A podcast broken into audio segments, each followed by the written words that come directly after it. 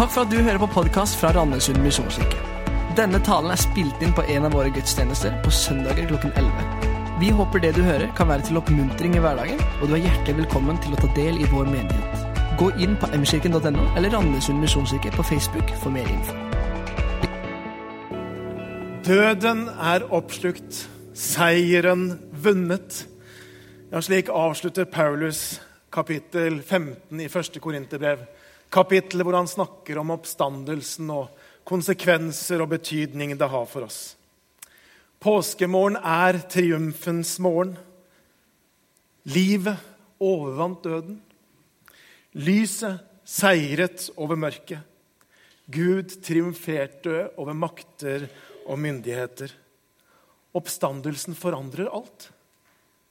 Ingenting blir det samme etter denne morgenen som vi i dag feirer. Derfor så er denne dagen en sånn gledens dag. Derfor eh, er det bra at vi pynter oss med bunad. Derfor er det bra at vi feirer og gleder oss.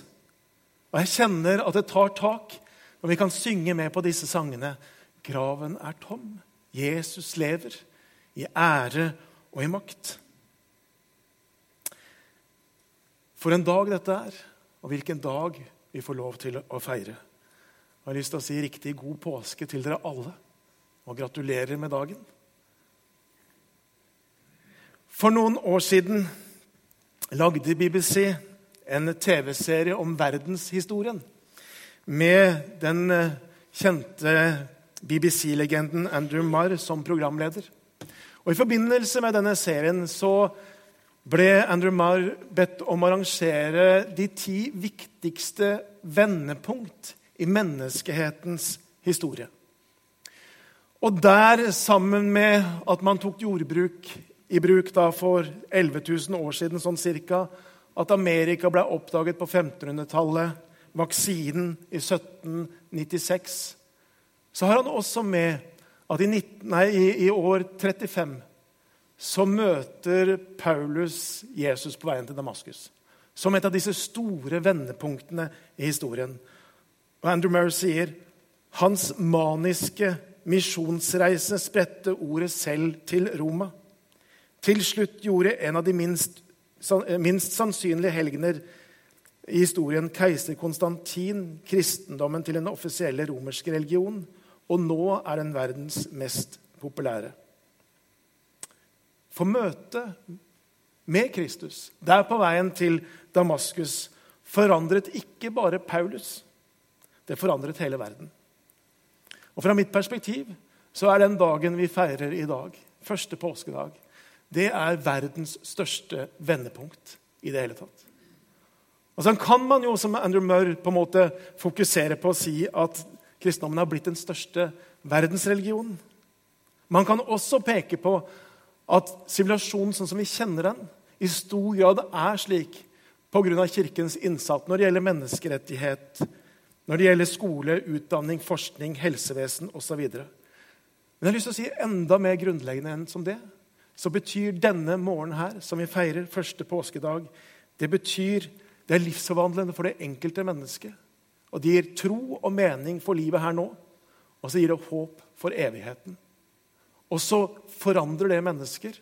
Og så forandrer det samfunn, og det forandrer verden et menneske av gangen. Paulus eller Saulus, som han het før, han ble en kristen, er et godt eksempel på et menneske som får slikt, sitt liv fullstendig forvandla etter å møte med den oppstandende Jesus Kristus. Og Paulus han er også denne unge, radikale jødiske teologen som hadde studert under det som på den tiden var en av de mest anerkjente eh, rabbier, lærere, Gamaliel. Paulus var nidkjær han var på en måte den der typen som, eh, som går alt i en retning, alt i en vei. Og han kjempet mot det han da så som en farlig vranglære. Disse folkene som trodde at Jesus fra Nasaret var Messias, og påstod at han hadde stått opp. Og Paulus han var så nidkjær at han bekjempet det med alle midler, også vold. Det står at han var enig i drapet på, Saulus, nei, på Stefanus. Og Så er han på vei til Damaskus med fullmakt om å arrestere disse kristne som var der, og bringe dem til Jerusalem, til fengsel. Og så er det der på denne veien det står at når han nærmer seg Damaskus, så skjer det noen ting. Og Vi skal lese noen få vers fra Apostelens gjerninger, kapittel 9, og fra vers 3 til 5, hvor det står Jesu navn. Underveis, da han nærmet seg Damaskus, strålte plutselig et lys fra himmelen omkring ham. Han falt til jorden og hørte en stemme som sa, 'Saul, Saul, hvorfor forfølger du meg?' 'Hvem er du, Herre?' spurte Saul. Og svaret lød, 'Jeg er Jesus, han som du forfølger'. Og Så blir Paulus forbigående blind. Han må hjelpes til Damaskus. Og De neste tre dagene så står det at han verken spiser eller drikker. Men det står også at han ber. Og Det er jo ikke vanskelig å tenke seg til i løpet av disse tre dagene som Paulus sitter der i mørket, så er det en enorm, intens indre kamp i ham. Hva er det han har opplevd? Hva har han vært med om? Etter tre dager i stummende mørke så kommer en kristen bror til han, Ananias, som ber for ham. Paulus får syn igjen. Han blir fylt av Den hellige ånd, og han lar seg døpe. Kristenforfølgeren har blitt en Jesu etterfølger. Og jeg tenker at Når han sitter der i mørket disse tre dagene, så er det i hvert fall tre spørsmål som han er nødt til å ha kjempa med disse tre dagene. Og jeg tenker Det er de samme tre spørsmålene egentlig vi alle kjemper med i møte med denne morgenen og beretningen som jeg allerede har hørt lest om den tomme graven. Det må i hvert fall være disse tre spørsmålene. Og det er de som vi skal se på i dag. Men la oss legge stunden i Herrens hender. Kjære Jesus Kristus. Jeg takker deg for denne dagen. Takker deg for at du sto opp. Og så ber jeg Herre at du skal hjelpe oss til å bare se det enda tydeligere. Og gripe det enda mer, Herre. Og la det bli en enda større del av våre liv. At du har stått opp, og at du lever. Vi ber at du åpenbarer ordet for oss i dag. Amen. For Paulus vil det være slik at om Jesus faktisk har stått opp fra de døde, så betyr det en fullstendig og en ekstrem omveltning av hans liv. På alle områder av livet. Det han har holdt for å være sant, må han plutselig se annerledes på. Alt som han har via sitt liv til, alt han har på en måte brukt hele livet sitt for, plutselig så er alt det snudd på hodet i forhold til nettverk og venner. Plutselig så befinner han seg på den andre siden. De som han tidligere har bekjempa, om dette er sant. Og hva vil familien si? De mennesker som han har respektert, hva vil i så fall de tenke om han? Om dette er sant? Så jeg tror det første spørsmålet som Paulus garantert har måttet kjempe med og jobbe med, det er jo dette spørsmålet her. Oppstandelsen. Er det sant? Er det sant? Kan det være slik? Eller var det bare en slags hallusinasjon? Var det bare et drypp? Var det bare på en måte, Slo jeg hodet? Hva var det? Eller er det faktisk sant? Og I starten på Galaterbrevet, i vers 1, eller kapittel 1, vers 18, så forteller Paulus at han tre år etter dette på Damaskus så tar han turen til Jerusalem. Og så oppsøker han dis, eh, disiplene. Og så møter han Peter, han møter Jakob, og Det står at han bor og er hos Peter i 14 dager. Og jeg tenker, Noe av det jeg er sikker på at Paulus er nødt til å stille Peter spørsmål om, det er hvordan kunne dere være sikre? Hvordan kan vi være helt sikre på at dette er sant? Og så er jeg sikker på at Peter og han har hatt interessante samtaler om det. Og I den forbindelse så er det veldig interessant det som Paulus skriver i 1. Korinterbrev, kapittel 15, vers 3-8. Han sier der for først og fremst overga jeg til dere det jeg selv har tatt imot. Ja, Kanskje var det nettopp dette han tok imot. Han fikk overgitt når han var hos Peter og Jakob. At Kristus døde for våre synder etter Skriftene. At han ble begravet, at han sto opp den tredje dagen etter Skriftene, og at han viste seg for Kefas, som er et aramaisk navn for Peter, og deretter for de tolv. Deretter viste han seg for mer enn 500 søsken på én gang. Av dem lever de fleste ennå, men noen er sovnet inn. Deretter viste han seg for Jakob, deretter for alle apostlene. Aller sist viste han seg for meg, jeg som bare er et ufullbåret foster. Og Legg merke til hvor mye vekt som Paulus her legger på, på en måte, at det er vitner til at det har skjedd. Det er en historisk hendelse det er snakk om. Og her er det mange vitner. Han nevner Peter, han nevner de tolv, han nevner mer enn 500 brødre på én gang. Og så sier han og av dem lever de fleste ennå. Første Korinterbrev er skrevet kanskje 18 år etter at Jesus dør og står opp. Og så sier han, og det er som han sier, hvis du, hvis du er i tvil, så kan du gå dit og så kan du undersøke og så kan du snakke med disse vitnene sjøl. Og så kan du sjekke. Det er så viktig for Paulus og for den første kristne kirke at dette er faktisk historisk sett noe som har skjedd. I en artikkel i påsken for to år siden, i 2017, så var det en god del på en måte diskusjon i kristne aviser om dette med oppstandelsen. og Har det skjedd, har det ikke skjedd, osv. Da var det en kjent norsk teolog som du sikkert har hørt navnet på, som hadde en artikkel, og så skriver han følgende Han sier om oppstandelsen vet vi ingenting. Og så legger han til men vi tror på oppstandelsen. Og Så fortsetter denne artikkelen og sier at sånn historisk så, så kan vi ikke vite. Men det viktigste, sa han, det er oppstandelsen skjer når vi feirer gudstjeneste eller i dåpen. Med andre ord, oppstandelsen er et symbol. Den har ikke nødvendig skjedd. Og så tenker jeg, Det høres ikke veldig ut som den første kirke. For dem var det livsviktig å sette fokus på at det har skjedd. Det finnes vitner. De så det, de så det. Gå og sjekk, gå og undersøk.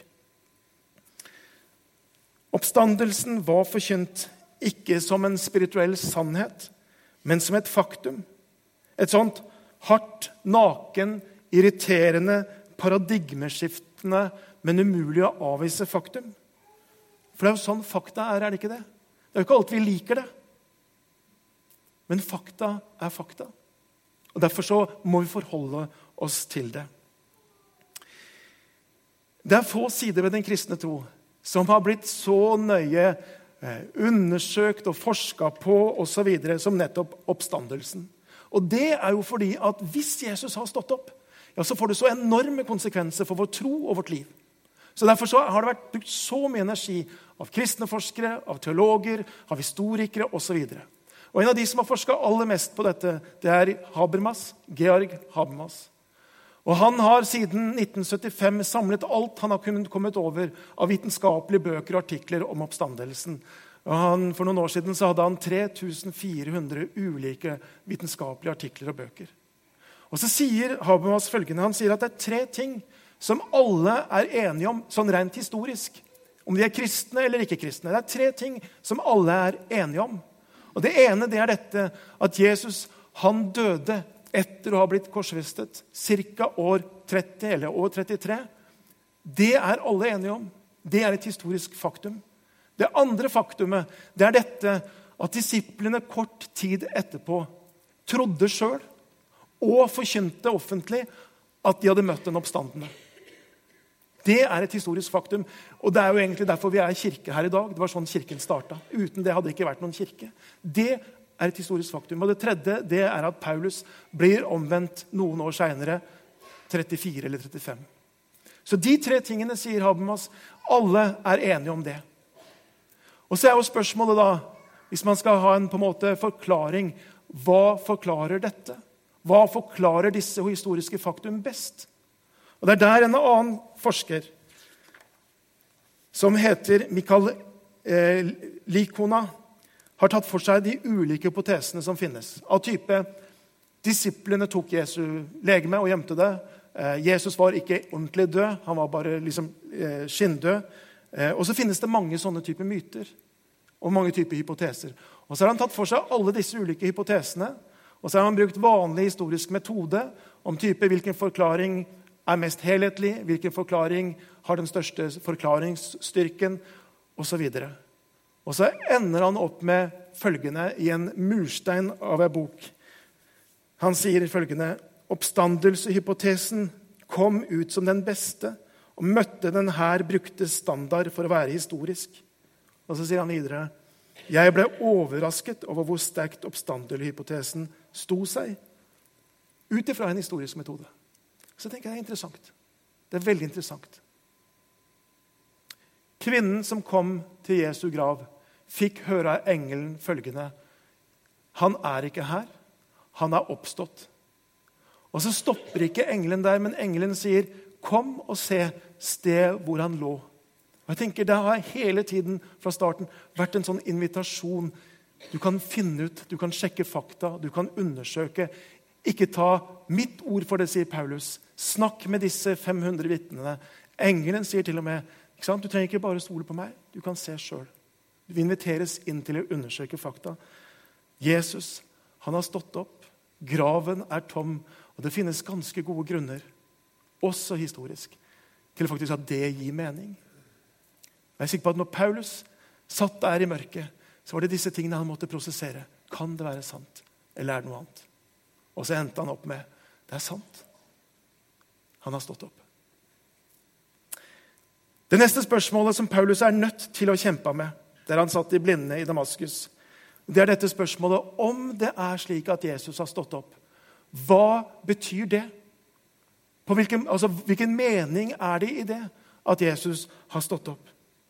Hvilken betydning har det for teologien?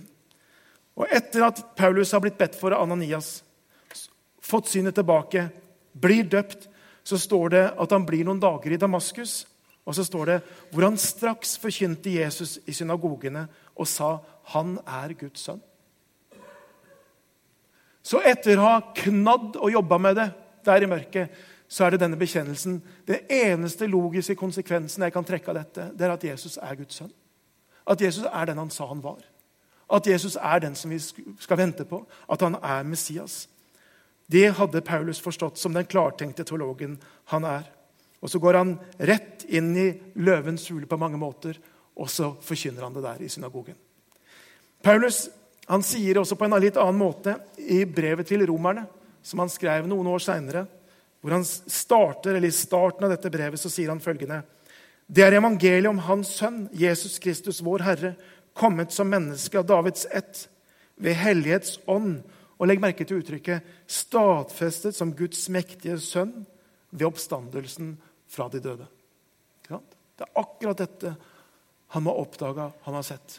Hvis Gud har reist Jesus opp fra de døde, ja, så beviser det og bevitner det om at Jesus er den han sa at han var. Og så, som jeg sa, Han gikk jo rett inn i løvens hule, synagogen i Damaskus. Og så forkynner han at Jesus er Guds sønn. Og så er det opplagt at det var med stor risiko, og det visste han. Det var den type mennesker han tidligere hadde forfulgt. Og så argumenterer han der. Og så syns jeg det er interessant at det står følgende Men Saulus fikk stadig større kraft, og jødene i Damaskus ble svar skyldig da han viste klart at Jesus er Messias. For når han hadde sett at Jesus har blitt reist opp fra de døde, ja, så så han noe helt nytt i Det gamle testamentet. som han kunne inn Og ut. Og Plutselig så, så han helt nye linjer. Og så var det som forvandla alt, det var Jesu oppstandelse fra de døde. Så det er det ene. At Jesus er Herre. Jesus er Guds sønn. Oppstandelsen viser det. Og En annen konsekvens som blir naturlig å trekke, det handler jo om det da Jesus sier. Jesu ord. Hva med det? Jo, da skjønner vi også hvis Jesus er den han sier han er. Når Jesus uttaler seg, ja, så er det ikke på en måte et menneske, men det er Gud som snakker. Derfor så gir også Jesu oppstandelse eh, autoritet til Guds ord. Det betyr at det er sant, det han sa. Det betyr at det er sant, at det er Guds ord, det som apostlene seinere forkynner og tar med seg som Jesu undervisning. Ravi Zakarias, evangelist, pastor, forfatter og lærer, han sier det slik.: Oppstandelsen fra de døde var det endelige historiske beviset på en empirisk etterprøvbar måte at Guds ord er sant. Hvordan skal vi moderne mennesker eller moderne kristne forholde oss til denne boka her? Og For meg så er på mange måter det svaret enkelt. Jeg har lyst til å forholde meg til det slik som Jesus forholdt seg til det. Fordi at han gjennom oppstandelsen viser hvem han er. Det på en måte bevitnes at han er Guds sønn. og Derfor har jeg lyst til å forholde meg til det som Jesus gjorde.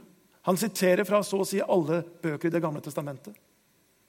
Det er hans undervisning som ligger grunnlag for hele Det nye testamentet. Og Derfor så gir det at Jesus har stått opp, det gir Guds ord, Bibelen, det gir det en autoritet og en vekt. Og Sånn har jeg lyst til å forholde meg til det. Det står om de første kristne at de var trofast mot apostlenes lære. står det. Jeg tenker, Det har jeg lyst til å være. Det er mitt ideal. Og Så får det heller være det samme da, om man blir sett på som gammeldags eller eh, opphengt i noen ting eller ureflektert. Men jeg har lyst å være tro mot Bibelen som Guds ord. Og så er det Jesu oppstandelse som gir det den autoriteten og som gir det den vekten. Det var det andre. Og det tredje det jeg har lyst til å peke på, hva det betyr at Jesus sto opp, det var at påskemorgen viser oss hva langfredag egentlig var. Uten Jesu oppstandelse så hadde det vært på en måte en tragedie. En uskyldig mann drept av det romerske makt. Slik som mange andre menn og kvinner ble drept. Men fordi at Gud reiser Jesus opp fra de døde, så betyr langfredag noe helt annet. Det betyr at det var ikke et menneske som døde, men det var, det var Gud som ga sitt liv. Det var Gud som bar vår skyld i Jesus Kristus. Det betyr at det er som om, om Gud på en måte har en sånn endelig kvittering på at jeg har tatt imot offeret på vegne av hele menneskeheten. Og så betyr det at vi kan få lov til å ha eh, frelsesvisshet og en visshet om at min synd, den er sona. Og Gud beviser det, bevitner det, når han tar Jesus, reiser Jesus opp fra de døde. Det står slik i 1. Eh, Korinterbrev, kapittel 15.: Men hvis Kristus ikke er stått opp, da er deres tro uten mening, og dere er fremdeles i deres synder. Da har de også fortapt, de som har sovnet inn i Kristus. Og Så kan vi snu på det og si men Kristus har stått opp. Det gir deres tro mening, og dere er ikke lenger i deres synder. Fordi Jesus har stått opp. Det er Guds eviggyldige kvittering på at Jesu offer for vår synd er akseptert. Det var det andre spørsmålet. Hva betyr dette? Jeg har nevnt tre ting, men jeg kunne nevnt flere. Men det tredje spørsmålet, som Paulus garantert har måttet bryte med i disse tre dagene han satt i mørket der i Damaskus, i Judas sitt hus, i den gaten som heter Den rette, som du fortsatt kan gå i hvis du er i Damaskus. Men han sitter der og kjemper med spørsmål nummer tre, og det er hva betyr dette for mitt liv? Hva betyr dette for mitt liv? Det jeg har erfart, det jeg har sett. Og Kanskje er det det vanskeligste spørsmålet av de alle. For én ting er jo sånn rent sånn historisk, intellektuelt å kunne tenke og akseptere at jo, jeg tror egentlig at det er ganske sannsynlig at Jesus har stått opp. Jeg så en undersøkelse som var gjort i denne påsken her. Ca. en tredjedel av Norges befolkning tror at Jesus sto opp på en eller annen måte. Så én ting er å akseptere det. En annen ting er på en måte å si ok, jeg skjønner at det at Jesus sto opp, det får noen betydninger. For at han er Guds sønn, Messias, konge. At det gir Guds ords autoritet, det Jesus sier. Jeg skjønner at det har noen sånne implikasjoner, sånn rent teoretisk. Men så når det kommer til dette Men hva betyr det da i mitt liv? Så blir det jo mye vanskeligere og, og mye mer inngående. Er jeg villig til ikke bare å ha Jesus som herre, sånn akseptere det, men ha han som herre i mitt liv? Er jeg villig til å la det få konsekvenser, det at jeg tror at dette er Guds ord, på en sånn måte at det får autoritet i mitt liv? Er jeg villig til å betale den prisen det er å stå for det jeg tror er sant? Selv når det gjør meg til en pariakaste i vår egen samtid. Er jeg villig da? Jeg er sikker på at Paulus må ha kjempa med disse tankene her. Og så har vi allerede sett det at for han så betydde det at han var villig til å dø for det. Og Umiddelbart så går han inn i synagogen og forkynner. Det han vet, provoserer de mer enn noe. Jesus er Guds sønn. Men det er to andre ting jeg har lyst til å peke på. Og Det andre, det første av det handler om at når vi lever her nede etter Jesu oppstandelse, så viser det oss at dette livet er ikke alt som er. Jesus oppsto til et nytt liv. Det betyr at livet er ikke slutt ved døden, men det finnes et evig liv. Det finnes noe mer. Og Det er Paulus inne på i 1. Korinterbrev 15, hvor han sier fra vers 30.: Og hvorfor utsetter vi oss da for fare hver time på dagen? Ja, mine søsken, jeg dør hver dag. Det er like sant som jeg er stolt av dere i Kristus Jesus. Var det bare med rent menneskelig håp jeg kjempet mot ville dyr i Efesus, hva godt hadde det tjent meg? Hvis de døde ikke står opp, la oss spise og drikke, for i morgen dør vi. Paulus har fått et nytt perspektiv på livet. Et evighetsperspektiv. Og uten at man har det, så sier Paulus hvis, hvis det ikke hadde vært for det, ja, så kunne vi på en måte bare ha spist og drukket, levd livet, nytt dagene, og så var det ikke noe mer. Han sier Jesu oppstandelse viser oss at det er noe mer. Det finnes et evig liv. Og det livet vi lever her nede, det er på mange måter en forberedelse til det livet som skal fortsette inn i evigheten. I lys av oppstandelsen, i lys av at livet er evig, hva blir da viktig? Hva blir da viktig? Hvordan kan vi leve vårt hverdagsliv på en slik måte at vi lever det ut ifra hva som faktisk er viktig? Hvordan ser det ut? Paulus sier et annet sted vi lever ikke med det synlige for øyet, men det usynlige. Og så vet vi noe om hva det betydde for Paulus, men hva betyr det for oss i dag? Å leve med et evighetsperspektiv på livet. Leve ikke med det synlige for øyet, men det synlige. Hvordan ser det ut i ditt liv? Paulus svarer ut for seg, og så må du og jeg svare ut for oss. Hva betyr det? Men Jesu oppstandelse viser oss at dette livet er ikke alt som er. Det finnes noe mer. Det finnes et evig liv. Og vi skal leve sammen med Herren for alltid. Det andre jeg har lyst til å peke på når det gjelder konsekvenser for Paulus, det er at hva han regna som verdifullt i sitt liv, blir snudd totalt opp ned etter møtet på veien til Damaskus. Og Han skriver om det i Filippe-brevet.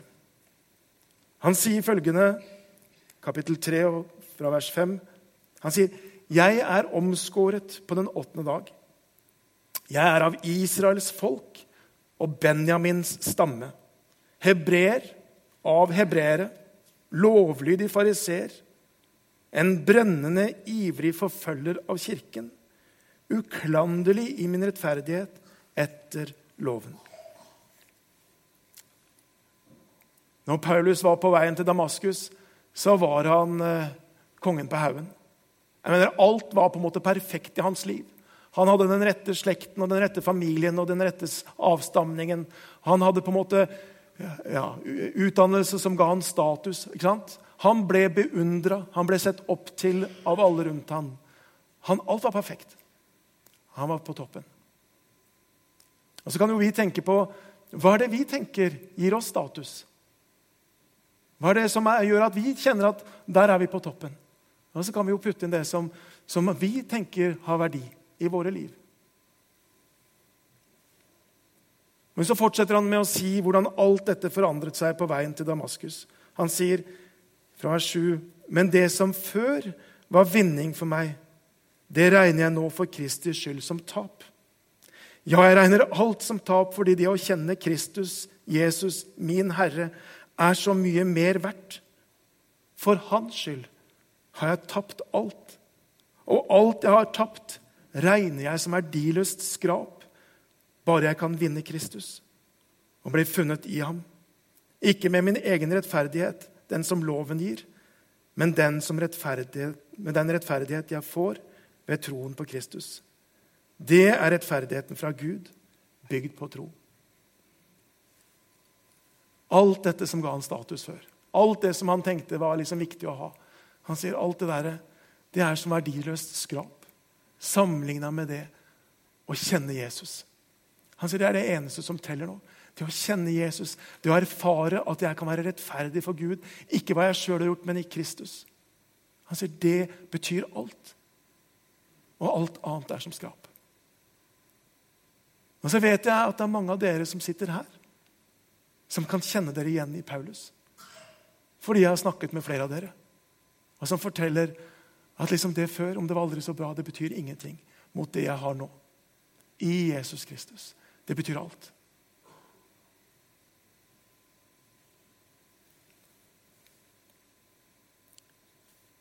For Paulus er det slik at etter møtet med de omstandene så er det bare Jesus som teller. Og Så fortsetter han i avsnittet i Filippe-brevet å si da kjenner jeg ham og kraften av hans oppstandelse. Fordel i hans lidelse og bli lik ham når jeg dør som ham. Da kjenner jeg ham.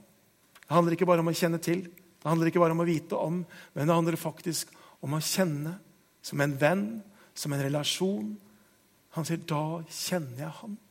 Og Det er det Paulus både erfarer, og som han lengter etter. Og så sier han, og så er det en ting til. Han kjenner kraften av hans oppstandelse. Ja, Det finnes en annen dimensjon det går an å leve i. Hvor man kan erfare oppstandelseskraften i sitt indre. Midt i hverdagen. Midt i jobbsituasjonen. I familien. I vårt mørke i vår sykdom, i vår sorg, hva det nå enn er, så kan vi faktisk her og nå erfare oppstandelseskraften i våre liv. Og så sier Paulus, vet du, når jeg har det, det er ingenting annet som betyr noen ting. Ingenting. Det er alt. Det er alt jeg vil ha. Og så tenker jeg, Det er nettopp også det vi kan erfare i våre liv. Vi kan erfare og kjenne Han og kraften av Hans oppstandelse. Hver eneste dag kan vi ha det sånn. Så betyr det ikke at det er uten lidelse. Det ser dere i verset. Idet jeg får del i hans lidelser og dør som han. Absolutt. Men vi kan allikevel, midt i alt det der, så kan vi erfare oppstandelseskraften i våre liv.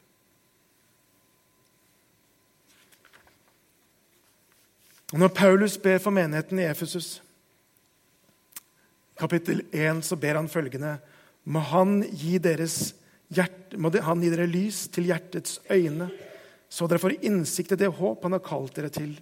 Hvor rik og herlig hans arv er for de hellige, og hvor overveldende hans kraft er hos den som tror. Og så står det med denne veldige makt og styrke reiste han Kristus opp fra de døde og satte ham med sin høyre ånd i himmelen. Paulus sier hans overveldende oppstandelseskraft er hos oss som tror. Og så ber han ikke at de skal få det, men at de skal få lov til å se det.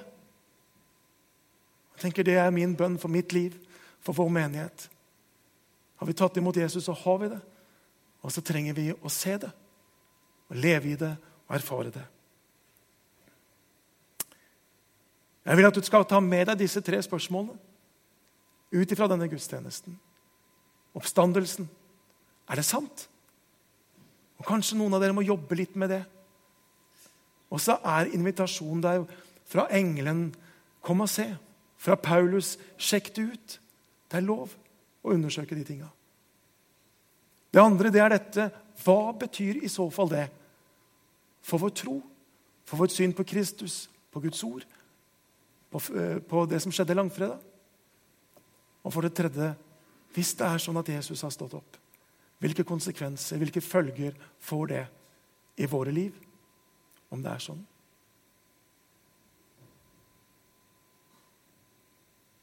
Vi skal be sammen. Så eh,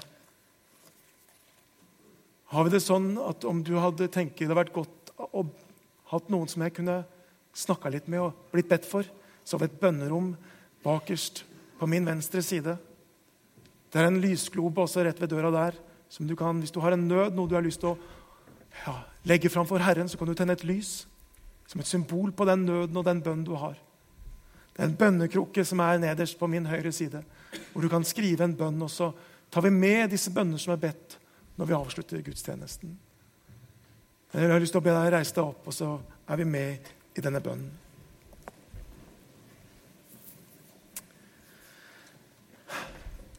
Ja, Jesus, jeg har bare lyst til å takke deg, Jesus, igjen for at du både var villig til å gå denne veien denne påsken, smertenes vei via Dolorosa, fram mot korset. Og så takke deg for at du triumferte over makter og myndigheter. At du vant seier, og at du seiret over dødsmakter og ondskap, Herre. At du blei reist opp på den dagen som vi minnes i dag. Første påskedag. Jeg takker deg for hva det betyr, Jesus, for vår tro. Jeg takker deg for hva det betyr i våre liv. Og så har jeg bare lyst til å be nå for oss alle som er samla, at du de neste minuttene må tale inn i våre liv, at du må komme og betjene oss. Kanskje er det noe du har lyst til å dele med oss på en spesiell måte de neste minuttene. Så ber jeg at du skal hjelpe oss til å høre din stemme og, være lydig når du ber oss å gå, Herre. Herre Jesus Kristus, jeg takker for at du lever. Det betyr at du er midt iblant oss nå. Du er her, og du er nær hos den enkelte av oss. I ditt navn. Amen.